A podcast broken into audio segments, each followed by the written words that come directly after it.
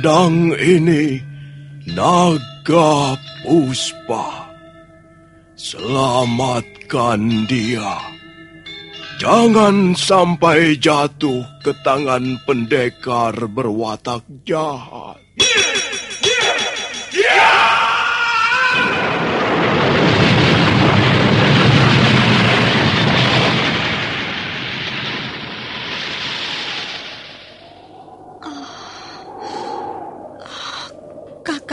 Kamandano.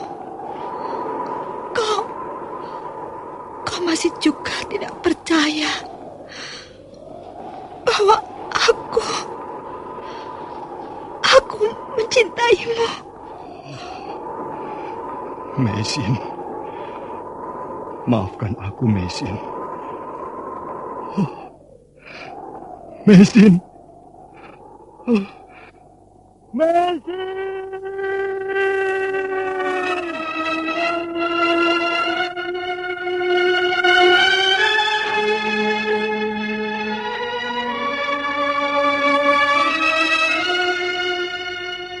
Tutur Tinular.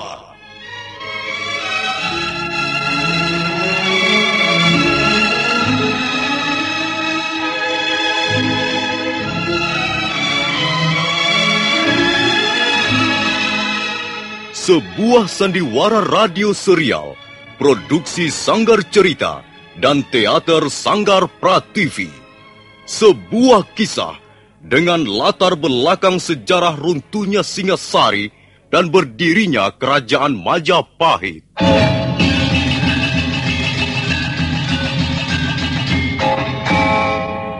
Sandiwara ini didukung oleh pemain-pemain radio yang sudah ternama.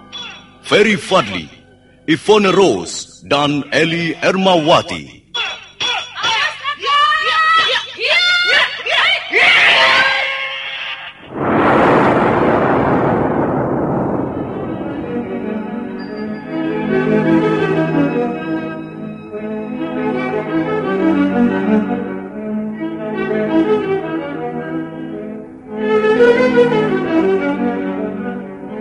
Cerita ini ditulis dan disusun oleh S. Tijab. Teknik dan montase dikerjakan oleh M. Pranoto dan Edwin Sutandi. Sutradara Bambang S. Kali ini mengetengahkan episode kedua dengan judul Kisah dari Seberang Lautan.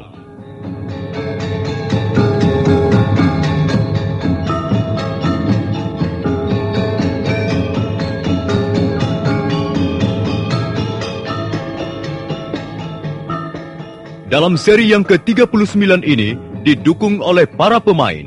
Benny sebagai Panglima Sipi, Wahyu sebagai Mengci, Armando Nida sebagai Panglima Kausing, Edi Dosa sebagai Lau Sisan, Eli Ermawati sebagai Mesin, Asdi Suhastra sebagai Empu Ranubaya, dan Nusri pembawa cerita. Selamat menikmati.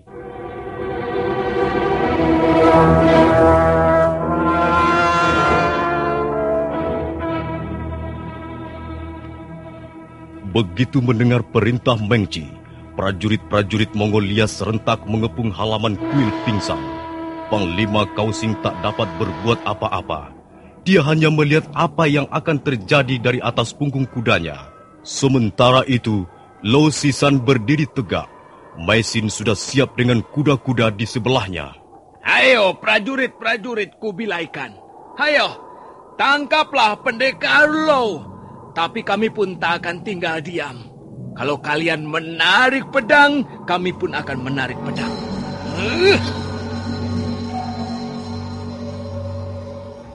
Panglima Sipi tersentak begitu melihat Lau Sisan menghunus pedang naga puspa. Demikian pula prajurit-prajurit yang mengelilingi halaman kuil. Juga Panglima Kausing ikut ternganga. Apalagi Mengci yang sudah menyaksikan kedasatan pedang pusaka ciptaan Puranubaya itu segera melompat mendekati Panglima Sipi. Ah, hati-hati Panglima. Oh, pedang itu luar biasa. Mengci, ah. kalau takut menghadapi pedang, jangan menjadi prajurit. Minggirlah. Oh, ayo. Hei, pendekar lo. Jadi kau dan istrimu sudah memutuskan untuk melawan kami. Ya, lebih baik kami terlentang menjadi bangkai daripada menyelah. Kau tahu artinya melawan kami? Artinya kau melawan pemerintah Mongolia. Kau melawan Kaisar Kublai Khan. Aku tidak pernah melawan pemerintah Mongolia ataupun kaisar. Aku pun orang Mongol. Kami berdua berdarah Mongol. Kami pun cinta negeri kami. Tapi kami tidak sudi menyelah di depan Sihpi. Sekalipun dia adalah panglima perang. Kalian sudah membunuh ayah kami yang tercinta. Kami akan merasa sangat berdosa kalau sampai kami menyerah dan bertekuk lutut. Kalian berdua, suami istri yang malang. Kalian akan mati bersama-sama di halaman kuil ini. Dan itu bukan salahku. Salah kalian sendiri. Tangkap mereka! Kalau melawan, bunuh saja!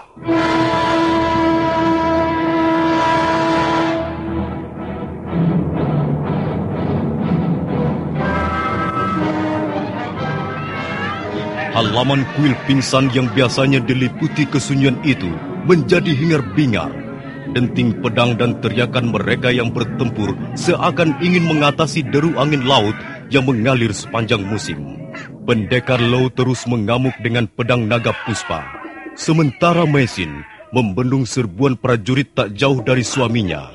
Dua orang prajurit telah jatuh menjadi korban, sementara beberapa orang prajurit buru-buru mengambil senjata baru, pengganti senjata yang telah patah berkeping-keping. Hentikan! Hei! Mengapa kalian kotori halaman kuil ini dengan pertikaian berdarah? Ah, hentikan!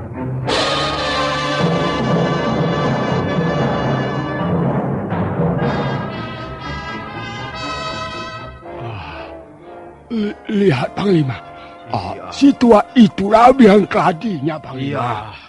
Akhirnya dia muncul untuk menyerahkan nyawanya. Benar. Aku muncul untuk menyerahkan nyawaku. Oh, Tuan Ranubaya. Tenanglah Tuan Lo. Biarlah saya yang menyelesaikan persoalan ini. Saya tak ingin melihat darah tumpah terlalu banyak di negeri orang gara-gara saya. Nah, Panglima Sipi, anggaplah aku. Karena memang akulah biang keladi peristiwa ini. Tangkaplah si tua Ranubaya ini. Dan terserah apa yang akan kau lakukan. Tapi dengan syarat. Apa syaratnya? Tuan Panglima jangan melibatkan siapa-siapa. Pendekar Lo tidak bersalah. Dia dan istrinya harus dibebaskan dari semua tuduhan. Baiklah. Aku penuhi syaratmu itu. Mengci, Hmm, ya. cepat tangkap dan ikat orang tua itu. Aha, oh, baik Panglima. Nah, serahkan tanganmu Pak Tua. Ah,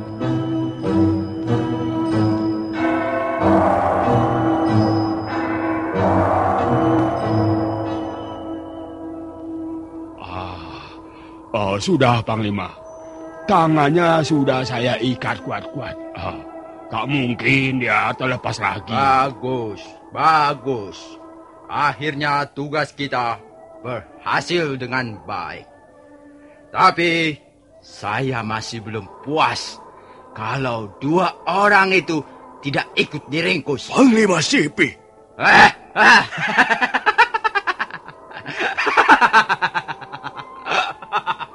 Kau pikir aku akan begitu mudah menyetujui syarat yang kau ajukan? Hah? Ternyata kau sapi tua yang sudah pikun. Hah? Bagaimana aku akan membiarkan suami istri itu bebas? Hah? Sementara anak buahku banyak yang terbunuh. Hah? Hah? Panglima, jadilah orang yang bisa dipercaya. Aku seorang prajurit. Aku hanya menjalankan tugas. Kau tidak jantan, tidak kesatria. Aku tidak peduli sebutan-sebutan seperti itu. Aku harus berhasil menjalankan tugasku. Ternyata lidahmu cukup berbisa. Aku menjunjung tinggi perintah Kaisar. Tapi kau juga harus menjaga nama baik prajurit Mongolia. Dua orang itu sudah membuat kerugian besar. Sejumlah prajurit terbunuh. Apakah perbuatan seperti itu bisa dibiarkan? Hanya, aku tidak sudi menjadi bahan pertengkaran seperti ini.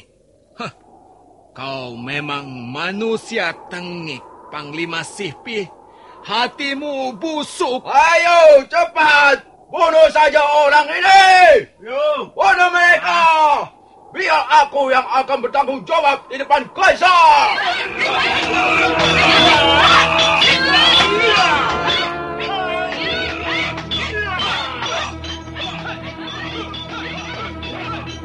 Kembali halaman kuil pingsan menjadi hingar-bingar oleh suara perkelahian.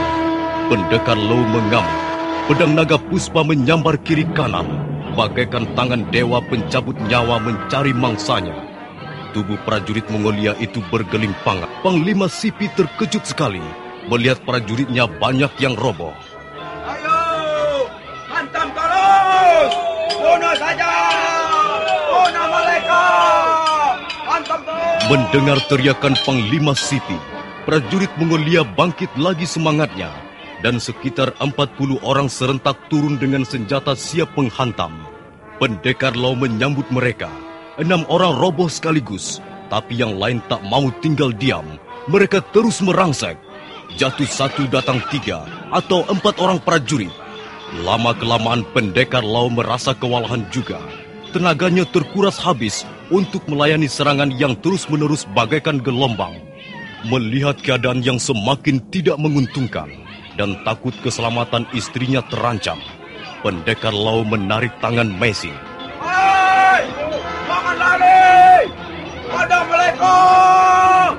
Jangan sampai kabur!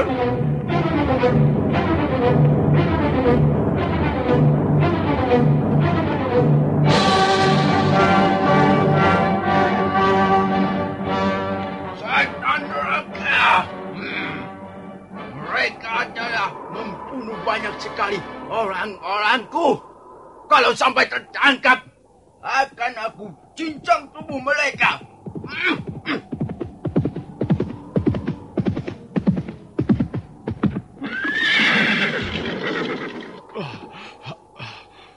Mereka berhasil lolos, Panglima. Eh, Kami sudah menggeledah eh, sekitar kuil ini. Ah, tapi tak ada kami temukan. Mungkin mereka telah lari melewati jalan rahasia. Jangan dikira aku akan berhenti sampai di sini. Sampai ke ujung bumi pun akan ku kejar. Menci, Oh, iya, Panglima. kau bawa si tua Lanubaya itu ke hadapan Kaisar. Ah, iya, iya. Awas, jangan sampai lengah. Kalau sampai dia melarikan diri, kepalamu yang akan menjadi gantinya. Oh, dan eh, Panglima eh, akan ke mana? Aku akan terus mengejar pendekar Low dan istrinya. Aku belum puas kalau belum melihat mayat mereka terkapal di depanku. Hmm. Panglima Kausing, apakah kau akan ikut aku mengejar orang-orang itu? Atau pulang ke istana bersama Mengci? Terserah kau. Panglima Kausing tertegun sejenak. Dia khawatir nasib Empu Ranubaya di tengah jalan. Orang seperti Mengci sudah dikenal betul wataknya. Bisa saja timbul niatnya membunuh tawanannya di jalan hanya untuk memuaskan nafsu amarahnya. Karena itu, Panglima Kausing memilih pulang ke istana dengan tujuan menjaga keselamatan Empu Ranubaya.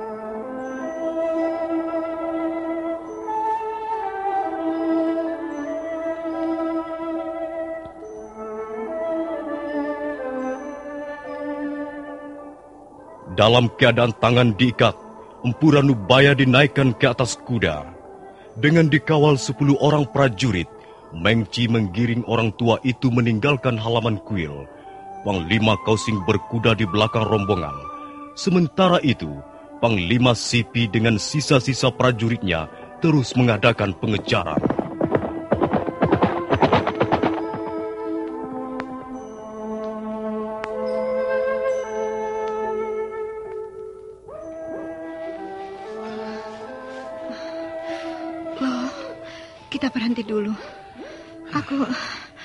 Aku lelah sekali.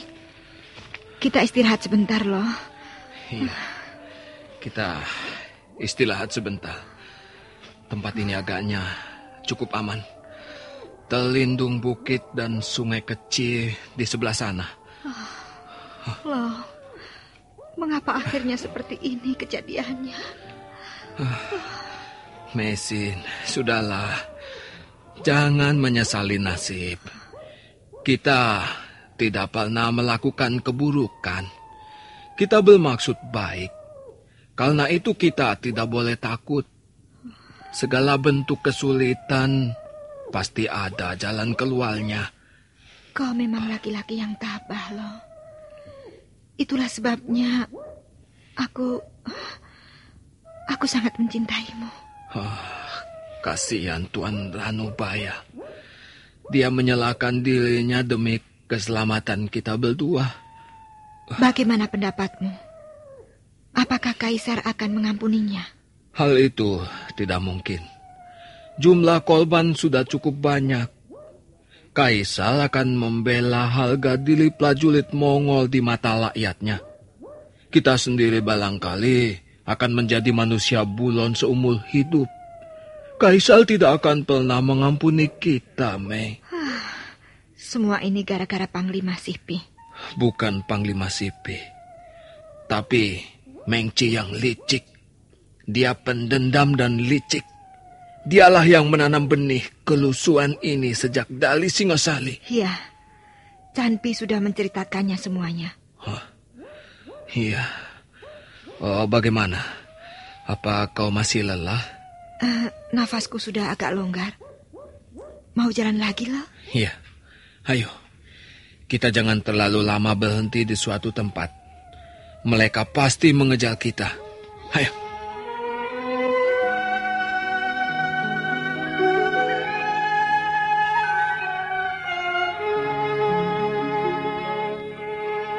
Malam itu, Lausisan dan Maisin terus berjalan menyusuri daerah perbukitan.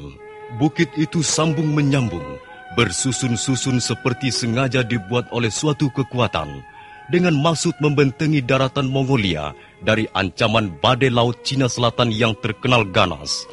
Beberapa kali Maisin terpaksa mengajak suaminya istirahat. Pagi hari, mereka meneruskan perjalanan dan segera tiba di sebuah pantai yang sunyi dan lengang. Oh, pantai apa ini namanya loh? Tahukah kau? Kalau tidak salah, kita sekarang berdiri di tepi pantai Haitan. Nah, gunung yang tampak keabu-abuan dari sini itu namanya Gunung Loksan. Di kaki gunung itulah aku pernah tinggal bersama pamanku. Setelah kedua orang tuaku meninggal. Oh, oh ya, apa kau tidak ingin minum? Ah, minumlah, supaya kekuatanmu bertambah. Ayo. Apakah kita akan terus berjalan? Loh? Iya, Mei. Kita akan terus berjalan. Sampai kapan kita akan terus berjalan seperti ini? Ah, sudahlah. Jangan bicara seperti itu. Lihat loh. Hah? Ada perahu tongkang tertambat di tepi pantai. Oh iya. Mungkin perahu milik nelayan di sekitar tempat ini. Ombak terus mendebur, buihnya memutih menjilat pantai. Suami istri pendekar itu, karena letih dan mengantuk, akhirnya tertidur pulas di sela-sela tumbuhan pantai. Matahari naik semakin tinggi, dan awan hitam nampak mulai bergulung dari arah selatan.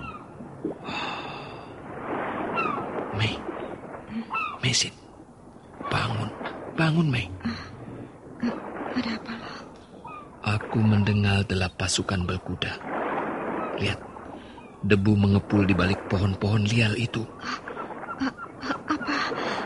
Apa yang akan kita lakukan loh? Cepat bawa kantong air itu. Ayo, kita naik perahu. Naik perahu? Iya. Kita mau ke mana? Sudahlah cepat. Kita harus menyelamatkan diri. Ayo. Kita bisa menggunakan perahu tongkang itu untuk menghindarkan diri dari kejaran mereka. Ayo.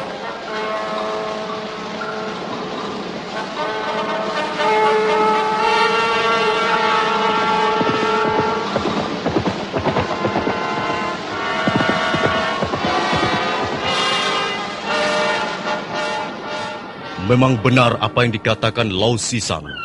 Derap pasukan berkuda itu adalah derap prajurit-prajurit Mongolia yang mengejar mereka. Panglima Kausing nampak kecewa dan kesal sekali karena buronannya kabur. Dengan geram, Panglima Perang Mongolia itu memandang ke arah laut, di mana perahu tongkang yang ditumpangi Lau Sisan dan istrinya melaju meninggalkan pantai. Sudah! Biar mereka pergi. Tak usah dikejar lagi. Bukan kita yang akan membinasakan mereka, tapi badai. Ya, aku melihat awan hitam bergulung-gulung. Dan aku tahu badai laut yang ganas ada di dalamnya. Biar mereka menjadi bangsa badai. Biar mereka binasa di tengah lautan sana. Ayo, kita kembali. Kita kembali ke istana.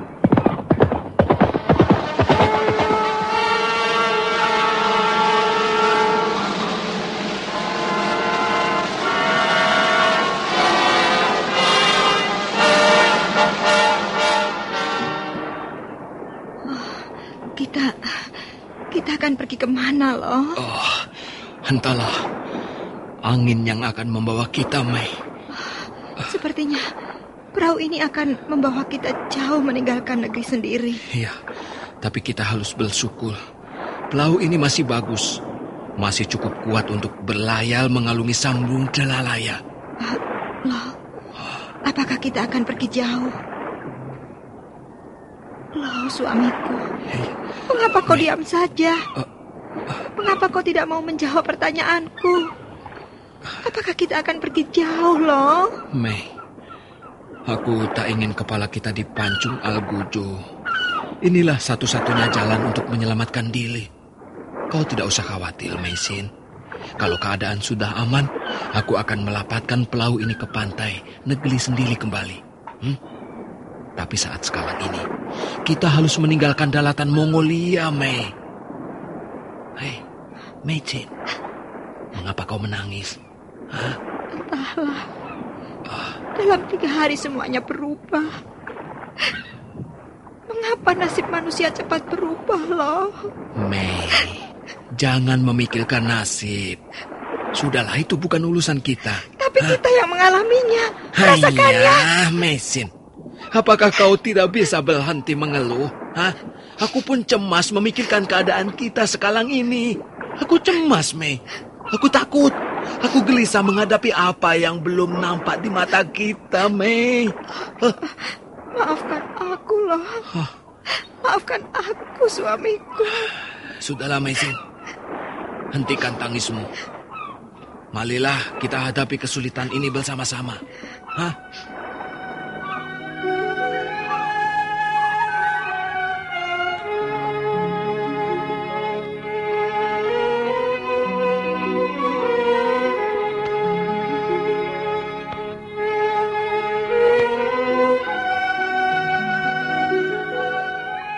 Perahu tongkang terus melaju terbawa angin. Pantai sudah hampir tak nampak lagi. Tinggal garis-garis putih dan samar-samar yang menandakan bahwa di sana ada daratan. Mendadak gelombang semakin tinggi dan angin bertiup kencang. Loh, nampaknya akan ada badai besar. Lihat, awan hitam bergulung-gulung. Oh, oh, loh, perahu kita bisa tenggelam. Mesin, berdoalah. Berdoalah agar penguasa alam menyelamatkan kita. Loh, jangan lepaskan aku, loh. Tidak, istriku. Tidak, kau tidak akan kulepaskan. Kalau memang harus mati, kita akan mati bersama-sama di tengah badai ini, Li.